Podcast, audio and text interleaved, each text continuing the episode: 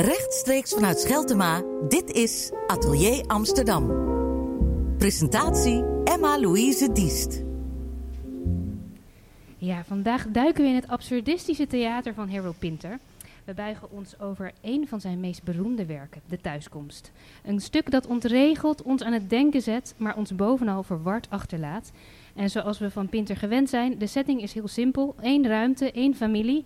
Maar ieder woord heeft de kracht een chaos aan gedachten te veroorzaken. En om niet helemaal verwilderd uit deze voorstelling te komen, hebben we vandaag hulp van een van de spelers van het Internationaal Theater Amsterdam. Welkom. Majid. Ma Majid Mardo. Ja, je vond het moeilijk. Ik vind het heel moeilijk. Ja, ik heb elke keer een, uh, een gevecht met namen. Maar Majid Mardo is een mooie naam. Dankjewel. Dat spreek ik graag uit. En heel fijn dat je er bent. Ja, uh, heel bijzonder stuk um, met een ontzettende grote geschiedenis. Alleen al de schrijver is bijna een, een absurdistisch stuk, zou je kunnen zeggen. Ja. Ja, um, hoe ben je begonnen aan dit project? Nou, Nanook Leopold, uh, de regisseur, die heeft, uh, had samen met Ivo van Hoven de, uitgekozen, dit stuk uitgekozen. En uh, en ik ben uh, ingedeeld door Ivo, zoals dat altijd gebeurt bij Internationaal Theater Amsterdam. Bij oké, okay, dan speelt hij dat en die speelt die. En, en zo creëert hij de clubjes. En uh, wij ja, waren. Jij, jij mocht bij dit clubje? Ja, ik mocht bij dit clubje. En, um, en ik speel Lenny. En dat is een beetje de gestoorde, ja, rare, vreemde middelste zoon. Die ook nog een allerlei prostituees uh, onder zijn hoede heeft, uh, blijkt achteraf. Het is een heel bizar stuk wat gaat over uh, ja, jaloezie. Een broer die thuis komt na zes jaar, heeft niets laten weten, is getrouwd geweest. Of is getrouwd met een meisje wat uit hetzelfde milieu komt. Maar zij beiden zijn zich totaal, hebben zich ontrokken aan dat milieu. Maar ze komen daar weer middenin. En, en dat verandert de boel nogal. En allerlei oude koeien worden uit de sloot gehaald. Maar ook maar halverwege. Want je weet niet helemaal wat, het, wat die koe nou eigenlijk inhield. Ja. Snap je wat ik bedoel? Ja, er gebeurt heel veel, maar ja. het wordt, weinig wordt beschreven. Maar ja. de woorden die er gebruikt worden, die zeggen dus heel erg veel. Um, je en ook heel weinig, want je weet heel vaak niet waar het nou echt over gaat. Ik heb zo'n tekst dat ik zeg... Um, uh, uh, dan vraagt uh, Gijs Schot van Aschat, die Max speelt, mijn vader, die zegt: ja, hou eens op met dat gepap, dat gepap de hele tijd. Niet, niet, niet papa zeggen, gepap. En ik zeg: ja, maar papa, ik, ik, ik, ik ben toch jouw zoon? Jij stopte mij toch elke avond lekker warm in, in bed? Joey heb je ook altijd lekker warm ingestopt, toch Joey? Als hij zijn zoon helemaal warm in kan stoppen.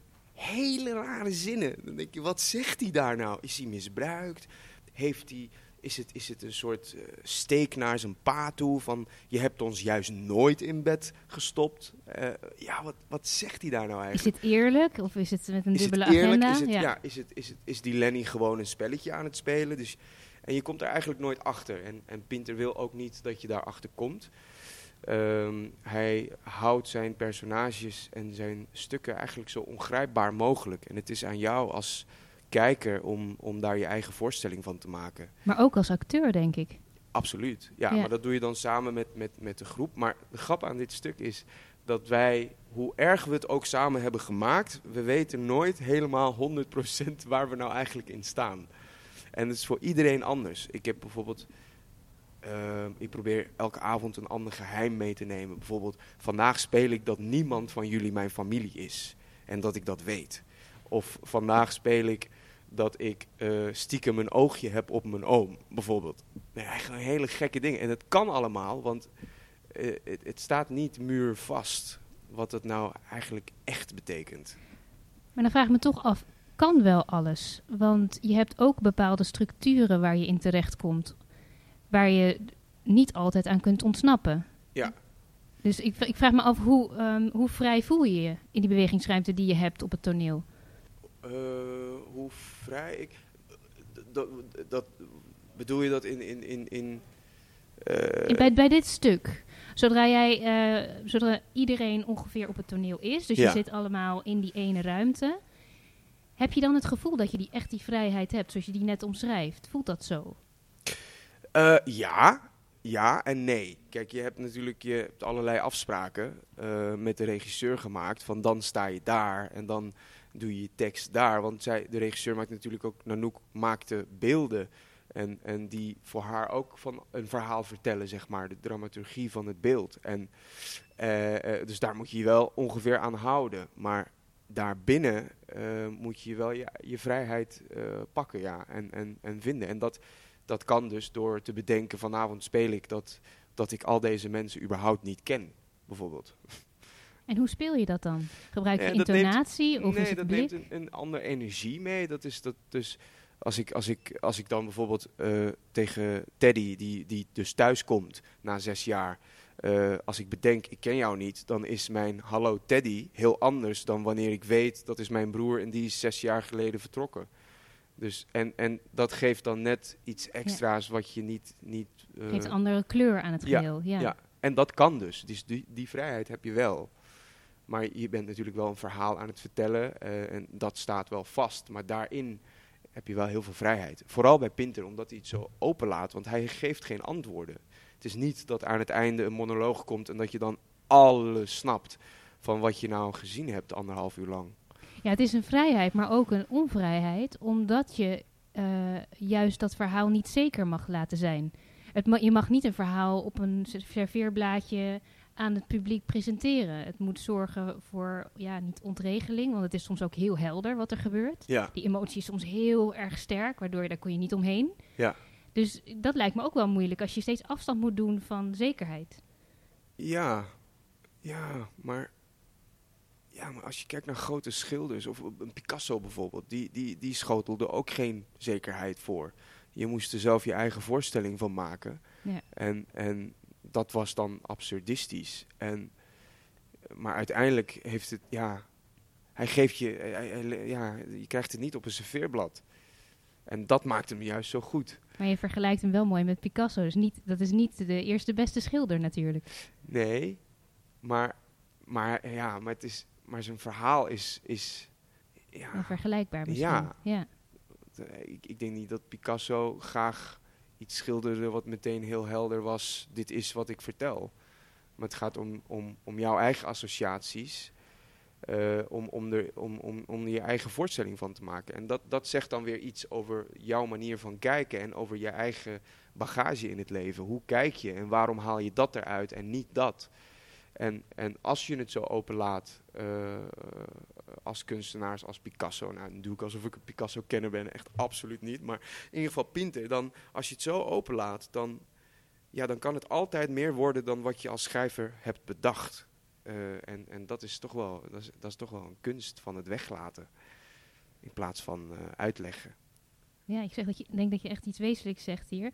Dat je ook eh, door Pinter te gaan lezen of te gaan beleven, dat je dan iets kan leren over de manier van kijken. Jouw manier van Ja, kijken. ja, en hoe is dat bij jou gegaan toen jij eh, begon aan Pinter? Heb je zelf iets geleerd over de manier waarop je kijkt naar, de- naar je omgeving of naar het toneel? Nou, wel over, over manier van spelen. Want bij Pinter, je kan bij Pinter niet ps- psychologi- psychologiseren. Sorry. Eh, je kan niet meenemen wat je net hebt meegemaakt naar de volgende scène. Want de volgende scène is iets heel anders. En dat, is, eh, dat, dat vond ik best lastig om, om onder de knie te krijgen. Dat je, ja, dat je bijvoorbeeld in de vorige scène heb jij mij pijn gedaan. En we hebben nu een andere scène.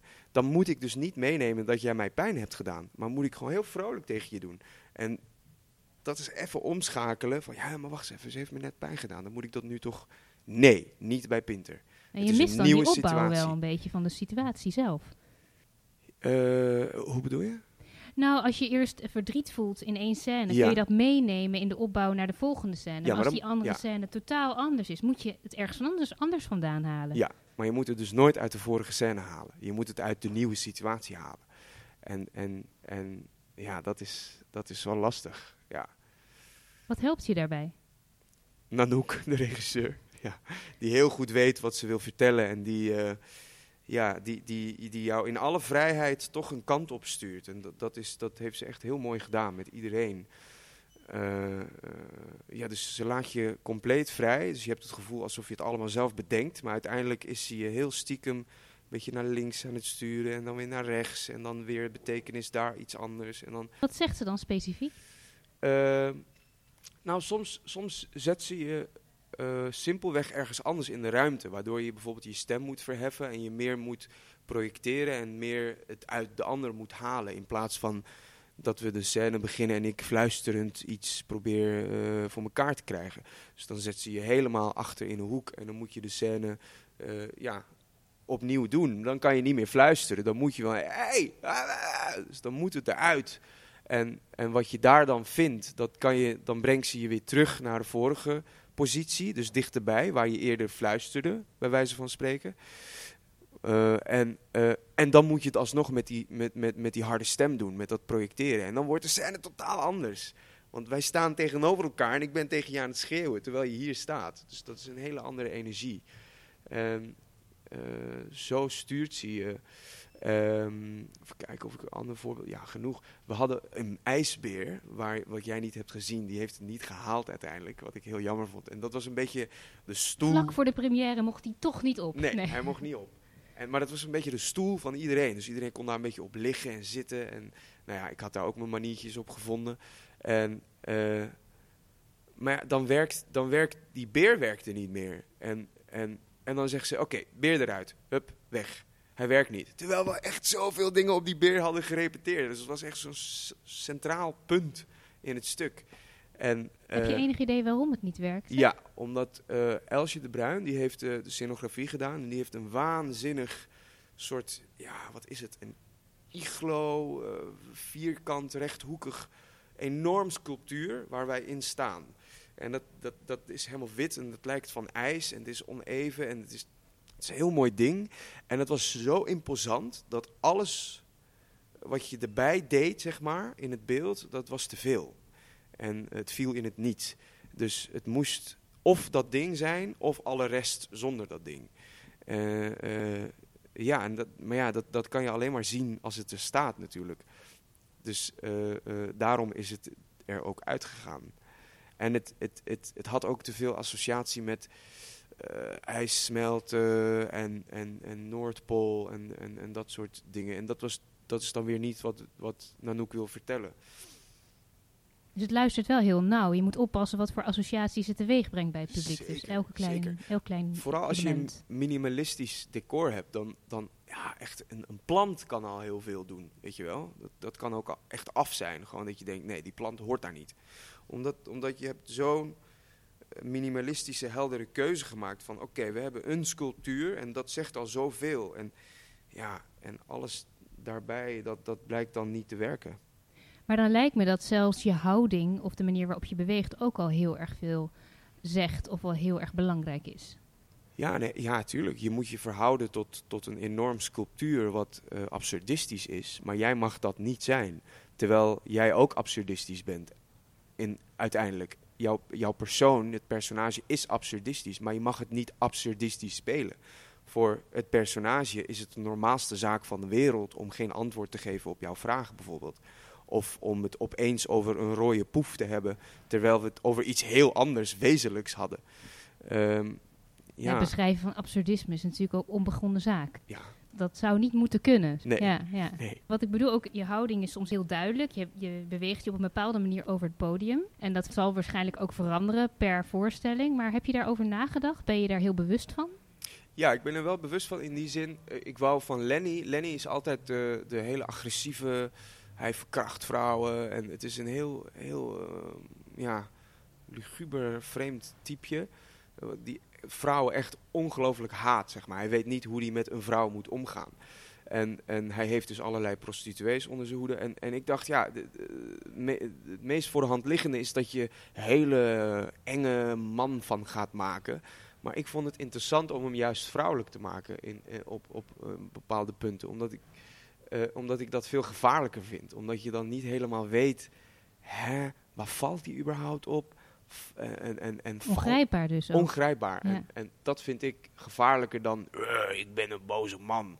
Ja, dat vind ik niet zo interessant. En, um, en ik vond het ook interessant om bij Ruth, de enige vrouwenrol uh, in het stuk, om bij haar... want zij heeft, zij heeft iets, iets stevigs, wat ik heel goed vind. Dus het is niet een meisje-meisje of vrouw-vrouw. En ik dacht, misschien is het interessant als ik dat wel een beetje overneem.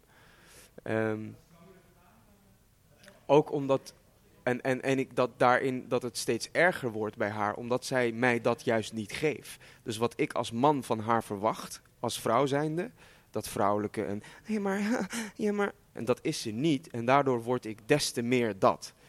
Dus ik neem een beetje haar rol over. Dan zet je haar karakter ook wat kracht bij, denk ik. Ja, ja. Heb jij ook een tegenspeler die jou steun biedt in dit stuk? Waar jij je tegen af kan zetten? Eh, als collega of, of als personage bedoel je? Ehm, misschien als beide. Ik denk dat dat soms Nou wel ja, samen opgaat. als collega heb ik, heb ik echt aan, aan iedereen heel veel. Ik bedoel, ik zit bij, je zit bij Onmogelijke keuze natuurlijk. Internationaal Theater Ja. Amsterdam en er zitten een beetje de beste acteurs van Nederland. Ja. Maar jouw karakter in dit stuk? Is er een tegenpol of juist iemand die gelijker Ja, is? Maria, want wij zijn elkaar, ik probeer haar te veroveren, zo goed en zo kwaad. En, eh, eh, en ik moet daar steeds nieuwe manieren voor vinden. Want ik probeer haar dan bang te maken, te vertellen hoeveel vrouwen ik wel niet heb eh, vermoord en weet ik veel wat. En dat doet haar helemaal niets. En, en dus wij zijn aan, de personages zijn aan elkaar gewaagd.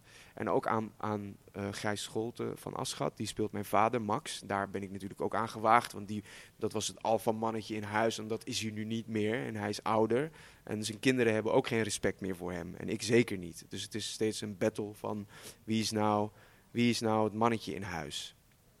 En we doen dat met woorden. Eh, dus ik kan me aan iedereen lopen opboksen daar. Dus dat, dat, dat, dat, kost eh, ja, geen, geen moeite. En dat is wel fijn misschien ook. Zeker, tuurlijk. Ja, ja. Ja, dat is een droom. Nou, je hebt wel een aantal dingen genoemd die je juist wel moet doen als je Pinter speelt. Maar zijn er ook dingen die je absoluut niet moet doen? Nou, psychologiseren dus. Dus denken, hè, maar jij hebt mij dus pijn gedaan, dus dan moet ik jou... Nee, dus in elke scène is het een nieuwe situatie. Het is echt heel spannend om elke avond weer te beginnen. Ja, Want die Ja. situatie is altijd anders natuurlijk. Ja, en wat ik daar, het is absurdistisch dat je, dat je niet alles meeneemt. Maar je moet je ook bedenken, eigenlijk is het ook realistisch. Want je bent als mens zo veranderlijk op één dag al. Je kan, als je in een clubje mensen bent die. die eh, bij een clubje mensen, bij het ene clubje ben je zo en bij dat andere ben je zo. En dat kan zo uit elkaar, eh, dat kan samengaan op één dag in één mens. En, en dus, ja, dan vraag ik me af hoe absurdistisch het uiteindelijk is. Want soms speel je toch gewoon mooi weer en denk je, ik wil niet laten zien dat het me pijn deed net. En misschien is dat wat Pinter ermee bedoelt. Maar we weten niet, want die man leeft niet meer. Hij had het ook on- ons ook zeker niet Hij verteld, had het ons denk ook ik. Nee, absoluut verteld. niet. Nee. Nee, nee. want het, je kunt het ook heel zwartgallig gaan maken natuurlijk, inderdaad. Want er zijn geen zekerheden en eh, we kunnen eigenlijk niet op elkaar vertrouwen. Ik bedoel, liefde bestaat eigenlijk niet. Zo zou je het ook in kunnen kleuren. Hoe zie jij dat? Zie jij het als iets heel negatiefs of iets heel, ja, een heel depressief stuk? Of ehm, kan je er ook positieve dingen uithalen? Ja, kijk, het staat voorop dat het een, het is hilarisch. De situaties zijn hilarisch. De oudste zoon komt terug na zes jaar met zijn vrouw en zijn twee broers en vader en oom besluiten om zijn vrouw in huis te houden en hem terug te sturen naar Amerika. Sterker nog, zijn vrouw moet het huishouden doen en wordt geprostitueerd eh, Wat in zij de vervolgens stad. heel normaal vindt. Ja, en dan zegt ze, het is prima, maar dan wel op mijn manier. Dus dan wil ik het zo en zo en zo. En zij maakt dus een deal met die boys van, is goed, maar dan doen we het zo. En dus daarin overruled zij hun nog steeds. Zij is de baas. Ook over haar lichaam uiteindelijk. Maar het is natuurlijk absurdistisch dat die oudste zoon daar totaal oké mee is. En denkt, ja, maar ja, ik denk dat de kinderen je wel zullen missen. Maar we redden ons wel. Ik ga nu terug.